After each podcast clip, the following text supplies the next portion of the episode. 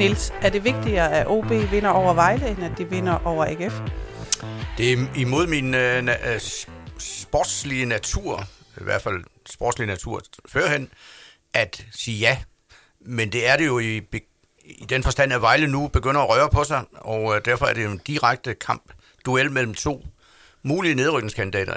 OB kan blive nedrykningskandidat, så ja, men øh, alligevel gør OB jo klogt i at, at få noget med hjem på søndag mod AGF.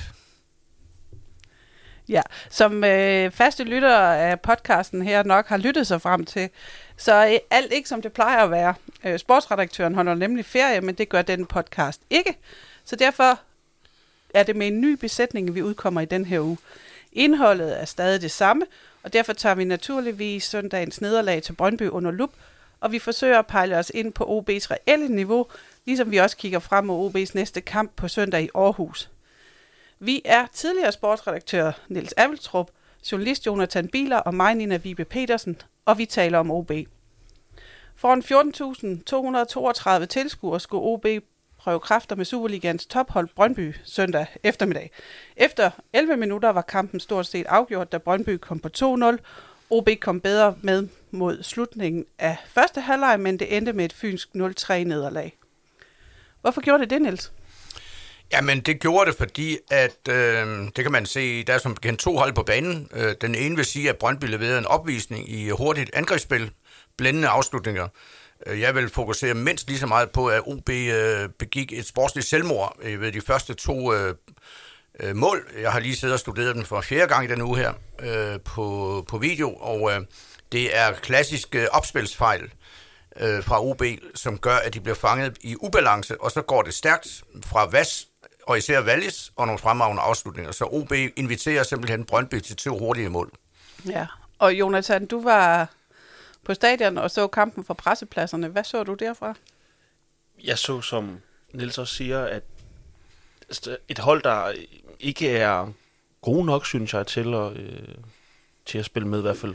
Der, hvor, øh, der, hvor det bliver afgjort. Øh, jeg ser også et Brøndby-hold, som er hamrende skarpe på alt det, de laver. Øh, Wallis er vildt god. En Pens, der er rigtig, rigtig god med fødderne også. Øh, så de har et, et rigtig, rigtig godt hold. Ja, jeg synes jo også, hvad hedder han, Jakob Rasmussen i forsvaret, han øh, lykkedes også med rigtig meget og tog brøden af for eksempel sådan en som Don Deaton, der jo ikke kom ud og løb med nogen som helst. Men han kommer jo så frem til de chancer, der er her på en eller anden måde, så synes jeg jo for OB's synsvinkel, så var det jo den rigtige, der fik de der tre store chancer, han havde, men han ramte bare ikke ind i målet. Nej, i denne kamp rammer han ikke målet. For, normalt vil man jo sige, at han balrer løs på den ene eller to af chancerne, for at sige det lidt folkeligt. Men man ved jo, at han tidligere, altså i efteråret, var meget raffineret i nogle af afslutningerne. Han har jo vel scoret 7-8 mål eller sådan noget for OB. Ja, 8. 8, ja. Så, men her var han åbenbart for mental presse, så han skød øh, bare direkte og hårdt under at kigge op på den chance, han fik lige før pausen ved 0-2 og så bolden havnede et sted ude i, øh, i Højstrup. øh, men det kan være bedre end anden, anden gang.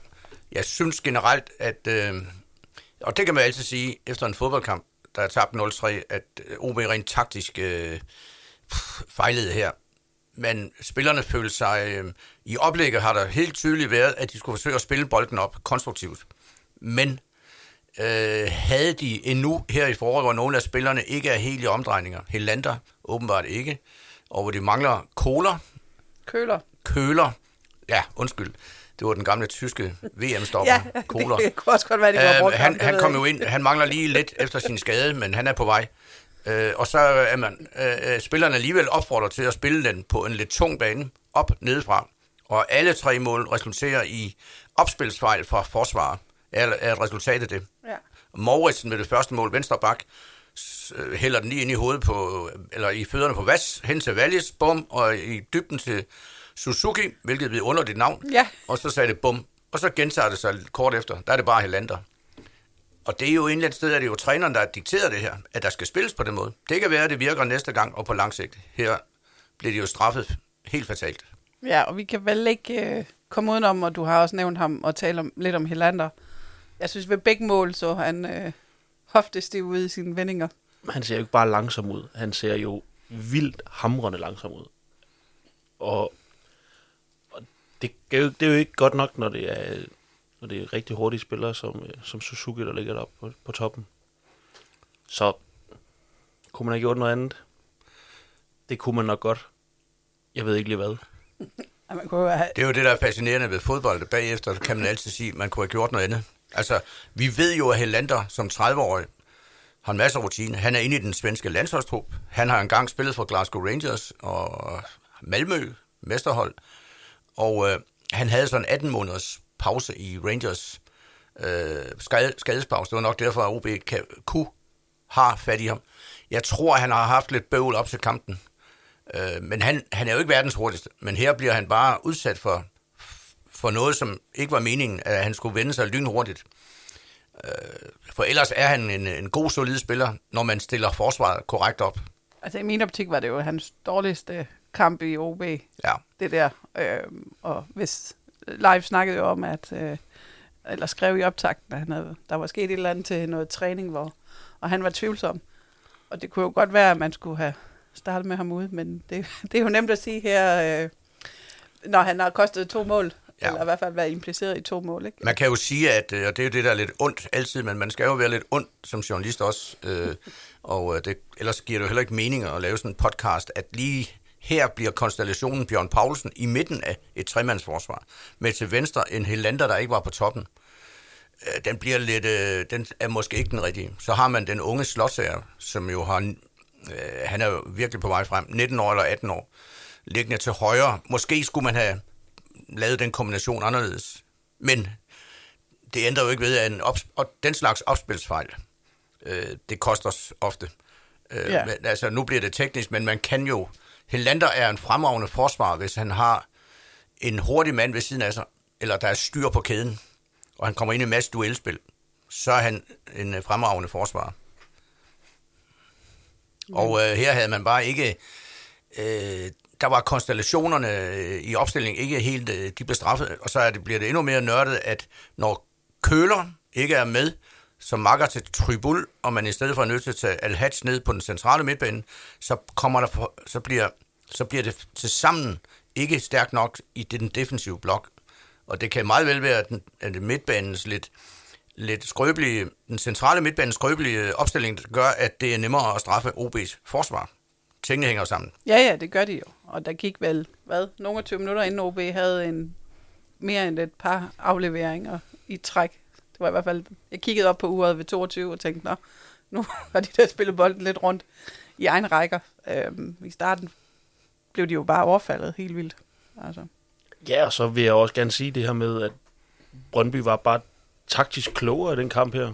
Altså, jeg, jeg kunne vildt godt lide den her konstellation med i midterforsvaret, at de har Sean Kleiber med, som egentlig går op og spiller højre vingbakken nummer to, øhm, og så Vasgaard ned som, som en ekstra midtstopper i opspillet, hvor, øhm, hvor det bare giver vildt meget plads mellem, mellem ledene i OB. Øhm, og det kunne man godt se, at både Mauritsen og Helander ikke kunne finde ud af, hvem skulle have hvem, fordi der lige pludselig lå tre ud siden, i stedet for at der bare ligger to. Ja. Det er jo altid det, der er interessant øh, i modsætning til at dække håndbold, som vi også gør. Der kan du altid, øh, selvom der er lavet 4-5 tekniske fejl, eller 9 som Odense håndbold mod Esbjerg forleden, i håndbold kan du altid rette tingene op, fordi der bliver scoret 30 mål af begge hold ofte. Ikke? Det, I fodbold, der er to fejl, øh, to simple fejl, det kan være altafgørende for resten af kampen. Ja. Øh, og det er ikke det samme som at sige, at de her spillere ikke er gode nok. De forvaltede bare ikke deres evner godt nok i denne her kamp. Nej, men hvad kan OB så tage med fra kampen mod Brøndby? Jamen, øh, man er jo nødt til at, at holde fast i, at her mødte man nummer et. Man mødte en øh, Daniel Vass, og jeg var lige inde og kigge på hans CV. Det er noget med 43 landskampe, og han har spillet for Valencia 144 kampe eller sådan noget. Man er bare oppe i højt niveau, når Vass er klar. Og Wallis, det er jo en, øh, han er jo 27, godt nok, men han er jo... Øh, han kommer jo også ind i landsholdet. Han bliver solgt til udlandet på et tidspunkt. Man må bare erkende, at de mødte nummer et. De skal måle sig mere med AGF på søndag. Man skal ikke falde i, øh, man skal ikke blive fortvivlet over det her. Det, det var et normalt resultat. Det var bare måden, det skete på. Der var, man skal jo måle sig med alle de, med de 4-5 andre bundhold. Det er der, slaget skal slås fra nu af. Ja, ja, så Men, men hvad er så OB's reelle niveau? Vi har så set en kamp mod Viborg, hvor, hvor de jo var spilmæssigt overlegne, og så og får en fortjent sejr. Og så har vi set det mod Brøndby, hvor de blev kørt over enden. Hvad er det så, der er niveauet? Jamen altså, jeg har jo øh, i al ubeskedenhed... Øh, altså, man er jo nødt til at forholde sig til de faktiske øh, ting, og det er jo, at OB over de sidste 10 år har bevæget sig lidt i laget fra nummer 6 til heldigvis ikke lavere end 10, men flyttet med nedrykning en gang imellem. Så det er det jo øh, øh, det, det, det normale, øh, sådan generelle niveau, øh, hvis ikke man beviser noget andet, for eksempel i de næste 5, 6, 7, 8, 9, 10 kampe. Øh, og så der er mange, mange gode elementer i OB. Øh, jeg var nede og se træningslejren sidste sommer i øh, Holland, og jeg kan sagtens se, at øh, for eksempel al kan en masse med bolden. Han skal bare anbringes rigtigt, eller hele holdet skal øh, finde den rigtige konstellation, så er der mange muligheder i det her hold. Og det her, det kan Søren Krog se endnu bedre, end øh, vi kan her. Selvfølgelig kan han det. Han prøvede bare han prøvede en opstilling og en spillestil, og den bliver straffet her. Og det er den så blevet mange andre i den her sæson. Ja, og Al-Hajj er jo faktisk øh, nummer et i antallet af succesfulde driblinger i Superligaen i ja. den her sæson, ikke? Al-Hajj vil jeg jo normalt sige, at det jeg kalder en offensiv, en tier, en offensiv midtbane bag to angriber, eller han kan også spille hængende angriber bag Baskim eller sådan noget. Uh, her bliver han, han har en, en fase efter pausen, tror jeg det er, eller det lige inden, hvor han føler, at han skal redde hele verden selv. Og ja han har fem dueller, eller prøver at drible og spille, ser flot ud. Han taber de fire af dem. Og så går det stærkt den anden vej. Men, ja, han, han, har potenti- også han har potentiale. I søndags, der tager han vel også en træk for meget, en, aflev- en, en berøring for meget, en, ja. en dribling for meget, i stedet for at aflevere hurtigere. Selvfølgelig. Det har du set. Ja, ligesom alle andre. og øh, næste gang, så kan det være, at det er ham, der afgør kampen. Men ja, ja. netop det der. Ja. Jeg har set ham i den træningslejr, hvor jeg, øh, det lå 500 meter fra klubhuset. Øh, og efter træningen, så går han med en bold, og jeg går 30 meter bag ham. Og så lægger jeg mærke til, hele vejen ned i klubhuset stort set, der jonglerer han bare med bolden i luften, mens han går. Og øh, fra det øjeblik har jeg aldrig været i tvivl om hans tekniske kvaliteter. Han har også vist andre gode ting. Han skal bare anbringes, øh, han skal bare ind i en form, hvor han er skærmet, hvor det hele, hvor han gør det, han er bedst til. Men det er vel også typisk med sådan et, der ligger lige over bunden, at de har, altså, de har gode kampe, de har dårlige kampe, og bundniveauet er bare ikke højere, end, end det er lige pt. for, for OB, og det er der, de skal lægge alle kræfterne i forhold til de sidste tre kampe nu her, og så i, øhm, i nedrykningsspillet. Fordi når de spiller godt, så spiller de jo godt, og kan slå alle hold, som man også har set i den her sæson. Ja. Men når de også spiller, som de gør, så kan de også tabe til alle hold. har vi også set. Og det har vi også set, og det er især på hjemmebane. især på hjemmebane. Hvilket jo er underligt. Jeg snakkede med, øh, assist, dengang var han vikarierende cheftræner Søren Krog. I den en, var det den sidste kamp i efteråret, hvor han jo også øh, kom lidt ind på det der med, at, øh, at måske var det forventningspresse på hjemmebanen der gjorde, at de, ikke, at, de, at de vågede sig for langt frem, at de følte, at de skulle for meget. Øh, så det, modstanderne straffede den bare på kontra hele tiden. Og øh, det kan man godt ubevidst blive ledt ind i, selvom man på forhånd godt her vidste, at det var måske ikke den rette taktik at prøve at skabe kampen hele tiden. Men når der sidder 15.000 tilskuere på hjemmebane, så kan spillerne ikke lade være. De følte, at de skulle ind og være med til at skabe kampen. Det bliver spændende på søndag jo, øh, hvad man har lært af det. Det kan være, at det, at det, at det kan være, at den samme taktik kan være den rigtige mod AGF. Det får vi at se. Ja. Men, men øh, altså, fejl i fodbold, er den, altså det der med, at, det er jo sådan en moderne ting, at bolden skal spilles op. Selv målmanden skal spille den ind rundt i feltet, og det gør alle klubber. Alle. Selvom det er Bradford City i 4. division i England. Det er jeg sådan set lidt skeptisk overfor. Øh, men lige i søndags, når OB gør det her mod AGF, det der med at spille en bak, der spiller lige op igennem, eller ind i midten, det var bandløst han. Det hedder moderne fodbold. Det er kun godt, når det lykkes. Ja, altså jeg kan jo se, at øh, hvis, øh, hvis, hvis vi kun kigger på stillingen på hjemmekampe, så ligger OB nummer 11 med 3 point. Hvidovre har 2.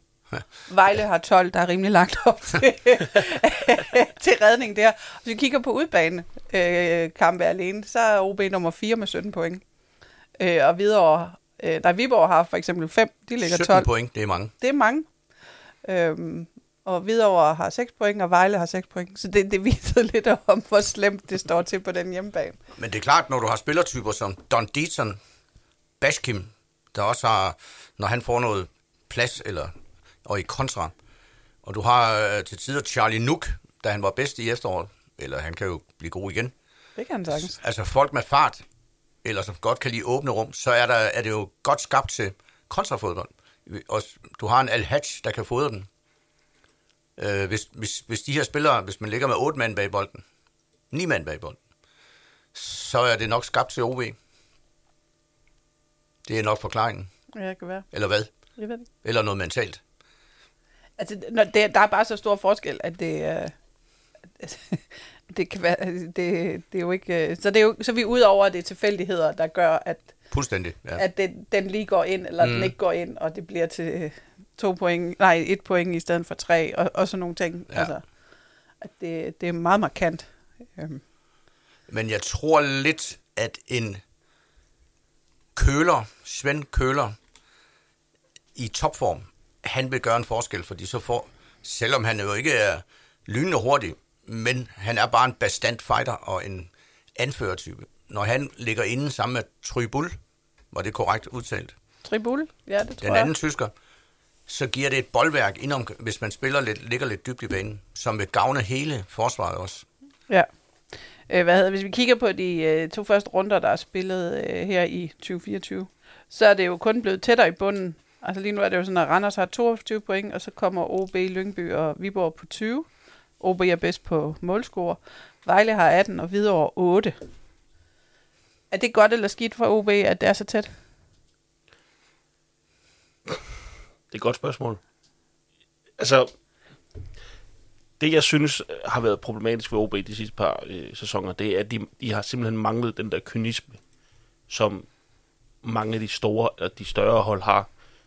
Øhm, så det her med målscoren, det, jeg tror, det kommer, det kommer ud på en, at man skal vinde deres, altså sine kampe. Mm. Øhm, og forhåbentlig er der et eller andet pres, der kommer væk fra dem, når, øh, når nedrykningsspillet kommer i gang. Og så må vi jo se, hvor, hvor, hvor, hvordan det bringer det. Men, men hvis, hvis afstanden er som nu, at, at man hver runde kan komme under stregen, så er presset jo ikke væk. Det presset er vel først væk, hvis man kan, kan sige, om okay, nu øh, i den her runde, så i forhold til stillingen er det ligegyldigt, om vi vinder mm. Eller taber, fordi vi, bliver, vi kommer ikke under stregen. Altså hvis, hvis de tager op i Aarhus, og, og Vejle vinder, så, så ligger OB under stregen. Sådan. Det er klart, det er en ting er, at cheftræneren, eller Søren Krog, klogeligt siger, at det, man skal forstå, at det her handler først og fremmest om at undgå nedrykning nu. Det er en ting at sige, men øh, hvis det skal jo forplante sig til klubben og spillerne, at sådan er det også. Det, der er det nemmere at være Vejle, som længe har ligget under stregen, og som i forvejen har en britisk spillestil. Fight. Den kan de jo bare bygge videre på. De lægger et par procenter på hver gang, så vidt jeg kan se. Så de bliver giftige. Det er mit bud. Det har jeg sagt flere gange før premieren i foråret. Uafgjort med AGF. Scenen sejr over Silkeborg. De er giftige, og de møder Vejle om to kampe. Royal OB i Vejle. Ja. Ja. Så situationen er alvorlig. Så er der jo alle de andre bundhold. Ja, nu kan vi så sige, at i næste runde, så skal Vejle så en tur til Brøndby Stadion. Ja, ja. Der er selvfølgelig ikke givet, at, øh, at man vinder derovre, men Og så er der det aspekt, man skal huske i nedrykningsspillet. Der møder Vejle og OB hinanden to gange. to gange, ja. Så der er jo seks point yderligere at fordele. Der er altså ni point, der skal fordeles mellem Vejle og OB her inden sommerferien. Øh, Og det kan vi jo så sige øh, rent underhold, altså spændingsmæssigt, at det er jo et fantastisk turneringssystem. Ja, det er det da. Der er jo noget på spil øh, alle kampe de, ja. Ja. det næste stykke tid, ikke? Altså, fordi der netop er så tæt i bunden der. Og altså, altså, det er svært at sige, om OB er kommet tættere på eller længere væk fra nedrykning. Man kan sige, det er jo lykkedes at få fedtet Lyngby og Viborg alvorligt ind i det også. Ja. Og det, det, øh, det ved jeg ikke, om det er en fordel, men det kan det måske være.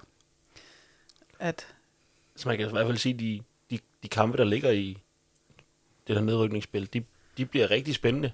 Alle sammen. Og det kan nok ende med, at det er først sidste runde, man ved, hvem, Ja. hvem der tager billetten ned med videre. ja, Ja, det kan blive giftigt. Der er så, man skal også huske en anden ting, det er jo, at Randers har, er vant til, altså de har den der indbyggede spillestil, også en britisk spillestil, øh, kollektiv. De har nok mistet lidt kvalitet, blandt andet ved at sælge Philip Bundgaard til Brøndby, ja. en reserve, som kunne komme ind og sætte sit præg forleden mod OB. Øh, men de har, de ved godt, hvad det er for en stil, der skal til for at klare sig fri af nedrykning. De har stilen. Om de så har kvaliteten er noget andet, men de har stilen, ligesom Vejle. Og Viborg har også noget fight i sig fra natur. Men banerne bliver bedre om to måneder, som Morten Olsen sagde. Man kan først spille fodbold fra 1. maj. Og øh, måske kan det gavne OB til den tid. De har faktisk mange gode teknikere i det offensive. Men så gælder det jo om, at løbet ikke er kørt, når vi når øh, runder 1. maj. Jo. Ja. Det her med banerne og Morten Olsens citat, det er, tror jeg, jeg har sagt de sidste 15 år. Fordi det er, det er et aspekt, som gør, at, at det mere simple fodbold, det er ofte vinderkampene. Man kan bare ikke spille det der positionsspil her omkring 1. marts, som man kan om to måneder. Ej, vi så det jo op i Randers i fredags, ja. da de vandt der over Lyngby. Det var, og det er godt nok den værste bane, jeg har set i uh, umindelige tider. Selv på fjernsynet så den jo helt horribel ud. Jeg ved ikke, hvordan det har været i virkeligheden, fordi den var ikke... Uh... Ej, det lignede en pløjemark. Ja, det ja. lignede det faktisk. Ja, det gjorde det. Der var lige nogen, der har været inde med, som om de skulle så et eller andet. det er jo sådan lidt interessant i dag, at alle klubber under i Danmark, men med Gud også i, selv i den øh, øh, engelske, eller der er selv hold i Skotland, der begyndte at spille positionsspil for en hver pris, helt nede bagfra. og det koster. Modstanderne er også blevet bedre og bedre til at presse de rigtige steder. Øh, nu snakker jeg ikke specifikt OB, men gammeldags fodbold, hvor der var nogle enkle løsninger, hvis man blev presset på en tung bane. Det kan man jo for eksempel se ved det andet mål, eller er det, hvor er det Mauritsen, der ligger oppe i hovedet, eller er det, nej, første mål. Altså, når man har en høj angriber, som Luka Kjærumgaard, så havde man førhen pisket op i hovedet på ham, og så var der kommet et aflæg til en fremrykkende spiller, mens man resten af holdet lå lidt afventende. Men det må man ikke i dag. Og det er måske i længden heller ikke den rette spillestil. Det er bare interessant. Og igen, det er nemt at være bagklog, når man ser videoerne af kampen. Derfor bliver det, AGF er jo et hold, der kan det der. De, har, de, har, de er ikke bange for at spille noget direkte fysisk britisk fodbold. Nej, de er vist også øh, det hold, der har vinder flest øh, dueller i ho- hovedstødsdueller. Så ja. Det, øh, det kan godt være, at OB skal udenom det. Men det var jo fascinerende start på, eller den her runde forleden, for efter OB-kampen, så får man en, en vanvittig kamp mellem AGF og FC Midtjylland, hvor AGF er 11 mod 9 spillere på banen, og alligevel får møbler en, en gevinst. Altså, hvad kommer det til at få af indflydelse på kampen på søndag? Det tror jeg ikke kommer til nogen indflydelse. Altså, jeg tror, at AGF er så godt et hold, at de, øh, de er væk fra det der. Øhm, det var jo ikke... Øh, det var jo ikke tre point, de absolut skulle have. Eller i hvert fald det ene point, de absolut skulle have, fordi Midtjylland er i gang med at stikke af igen med de andre to hold. Øhm, så jeg tror, de, de er videre, og de nu møder de et, et dårligere OB-hold, end, end, hvad, end hvad de er. Så øh, jeg, jeg tænker, de er videre, og, øh, og ikke har den kamp i baghovedet overhovedet. Men AGF har kun fået et point i de to seneste kampe. Ja, men jeg synes stadigvæk, de er et betydeligt bedre hold end OB. Er lige i hvert fald for tiden. Ja, ja. Øhm, det er det jo også i forhold til, altså om de, de er, altså det, du kan bare lyver på, selv. Nej, nej, den mm, lyver ikke. Præcis. Det er... Så det er jo ikke for at være ude efter OB i den forstand. OB er jo et ganske glimrende fodboldhold. De er nummer 9 i Danmark. Det er jo også en kvalitet. Men det udløser bare nedrykningsfare i en Superliga. Og det er jo heller ikke godt nok i forhold til fansenes og klubbens normale ambitioner om top 6. Nej, hvad kan vi så forvente af den kamp øh, på, på søndag kl. 18? Ja, det, det, det er uforudsigeligt i den forstand, jeg er sikkert svar. Men altså, AGF kan jo ikke lade være med at skulle præge den kamp her. De vil, de vil satse på deres duelstyrke op foran med Patrick Mortensen og Tinga, der kommer op foran øh, nede bagfra, ikke? og Nikolaj Poulsens øh, duelstyrke. Altså, de vil spille øh, deres traditionelle, fysiske, direkte stil. Og så har OB jo en, øh, den taktiske fordel, at det kan de jo bare indrette sig efter. Så må ikke, de kommer til at ligge lidt mere dybt. Og jeg, jeg, jeg bliver ikke overrasket, hvis OB straffer AGF på kontra. Det gør jeg ikke. Nej. På kontra. på kontra. Ja. ja. ja. Øhm, OB, øh, hvis jeg lige husker rigtigt, så øh, røg, ryger Tom Tribul i karantæne. Og er ikke med. Hvem sagde du? Tom Tribul. Okay, det er ikke godt.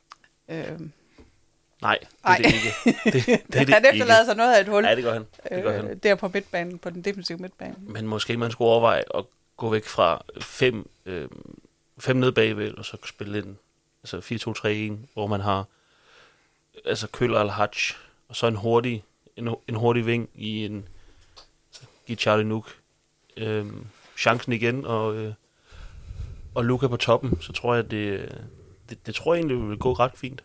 Øhm, især hvis man går efter at spille det her kontrabold, som, øh, som du siger, Niels, kan være en, øh, kan være en gevinst for dem. Så have Don Dietzen på højre og Charlie på venstre, det vil, det Det, vil er, give, det vil give det er noget. godt set, vil jeg sige. Øh, Jeg tror bare ikke, det kommer til at ske med Det de tror jeg heller der ikke. Fire kan- nede bagved. Det tror jeg heller ikke. Øh, Nej. jeg tror, han, han svæver ret meget til det her øh, femmandsforsvar med, med de høje wingbacks, som, som jeg synes er lidt ærgerligt, for jeg synes ikke, at Baskim får nok af sit potentiale på den her venstre kant. Hvis Mhm. han, så kunne han have, have ligget bag øh, Luka Kjærumgaard, vil, jeg- vil jeg synes have været bedre. Men jeg synes jo, det gør noget godt ved Uvuso.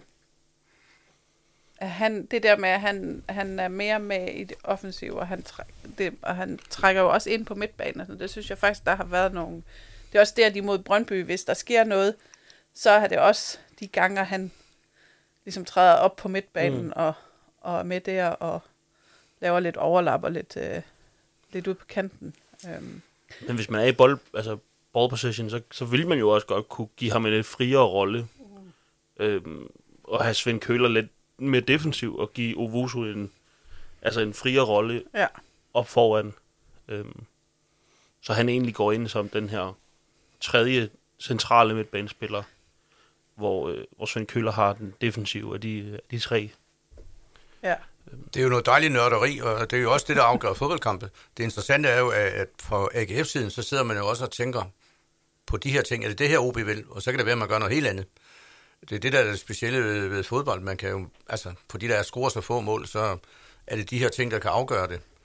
Uh, vi skal jo heller ikke gøre AGF til noget verdenshold. Uh, altså, det er jo ikke umuligt at spille imod. Vi er jo ikke, altså, der er jo nogle hold i dansk... Når, altså, FCK er jo per definition det bedste hold i forhold til... Det kan man jo se i Champions League.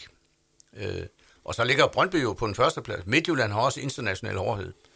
Nordsjælland kan, kan indimellem spille vidunderligt. Men resten kan man sagtens øh, spille eller slå eller, på en god dag. Øh, ja, det kan man. Det kan OB. Men, men AGF kan jo også gå lidt mere øh, spillende til værks, hvis det er med Mads Emil Madsen og Ja. Duelund og mm. de typer der. Så det ikke kun er dem der, der slår lidt ihjel hver gang, der er en duel. Øhm, Der bliver jo nogle slag inde på midten med Nikolaj Poulsen på AGF-siden. og en tysker. og, og, og, ja, og en øh, køler. Og øh, det er jo også noget, man skal glæde sig til. Jeg for søren da. Og det er jo det, kampen skal vindes. Altså, hvis OB har får tur i den inde på midtbanen, så, øh, så er der også sikker på, at der kommer tre point med hjem i, øh, i bussen søndag aften. Ja. Så, så midtbanen er, er det, du ser som den afgørende. Ja, altså hvis de, hvis de får styr på, på midtbanen, og øh, Svend Køller er tilbage fuldstændig magisk efter, øh, efter en skadespause, så tror jeg godt, de har en, øh, en, en, en fin chance for at, tage alle tre point. Ja, altså han lavede jo et, et fint indhop øh, i søndags, men der kan man sige, det var... Og blev han jo heller ikke for alvor presset på at skulle Nej. Nej. løbe øh, i 90 minutter plus lidt mere. Hvor mange minutter var det? Var det en halvleg? Nej, det var det ikke engang. Nej, Jeg ved ikke, 30 om- minutter. Ja, for, ja 25 Så kan, træner jo, øh, så kan jo øh, træneren jo vælge at sige, at han skal med fra start, så brænder han måske ud efter en time, eller han kan komme ind i pausen. Han, han, kan næppe, han kan næppe spille 85 minutter. Så det er også en af de ting, han skal Ja, ja, overveje. men, men, men så, så Men er problemet nok- er jo, hvem der skal i stedet for. Ja, så du har nok ret. Han er med fra start. fordi Tribul ikke er, Ja. er i karantæne. Og så må han løbe til, Ja. der ikke er mere juice tilbage i ja. systemet. Så Søren Krog, han sidder jo ligesom Rikard Møller Nielsen i sin tid med, med, med en masse brikker hjemme i, på, ved køkkenbordet og prøver at tænke alt det her, hvordan og hvorledes. Ikke? Og det gør jeg AGF's træner også. Men jeg synes, man kan visualisere kampen lidt på forhånd, fordi det bliver en tung bane. Ja. Der, det bliver intens, det bliver fighterbetonet. Det bliver med AGF i, øh, den frembrusende rolle, det er jeg sikker på. Fysik. Jamen, jeg tænker også, de har et eller andet at bevise. Ja. Al- altså, at man først spiller uafgjort mod Vejle, og så på en eller anden måde taber til Midtjylland. Der er to mand i, øh, i undertal, og det må, afgørende mål kommer, mens de er to mand undertal. På en eller anden... Jeg ved ikke, jeg ved, sta- jeg har, nu har jeg set det nogle gange. Jeg ved stadigvæk ikke, hvordan det lykkes, at det bliver til et mål og en afslutning, fordi Men det lykkedes jo, det lykkedes jo i den grund, at der er en, der er hurtigere, og en, der ikke løber retur Ja, ja men, men kampen. de er jo i overtal. Ja, Altså, det, men, det burde ikke kunne... Nej, men jeg mener også i situationen mm. På banen i, for, i feltet. Ja. der er de også, altså i den Ja. der situation er de også i overtal. Men det, det er jo nemt at se, at man bare skulle have flæsket en eller anden på vejen. Mm. Men der er jo noget mentalt i, at øh, når man er en mand mere, så falder man, uanset hvor professionel man er, ofte 5% i, øh, i åndelig eller i koncentration.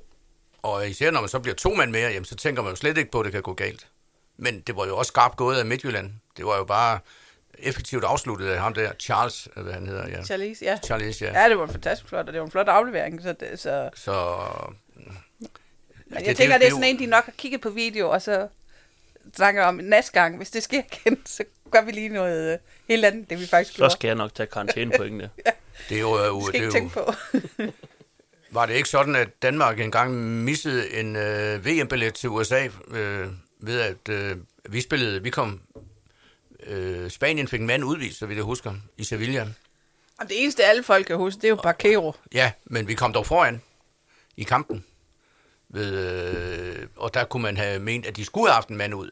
Men, men, men øh, Spanien, men jeg mener, at de mister en mand.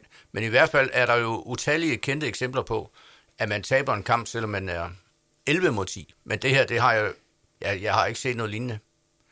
Og det har jeg jo Ja, på Atletikstadion, ja. den sæson OB rykker ned.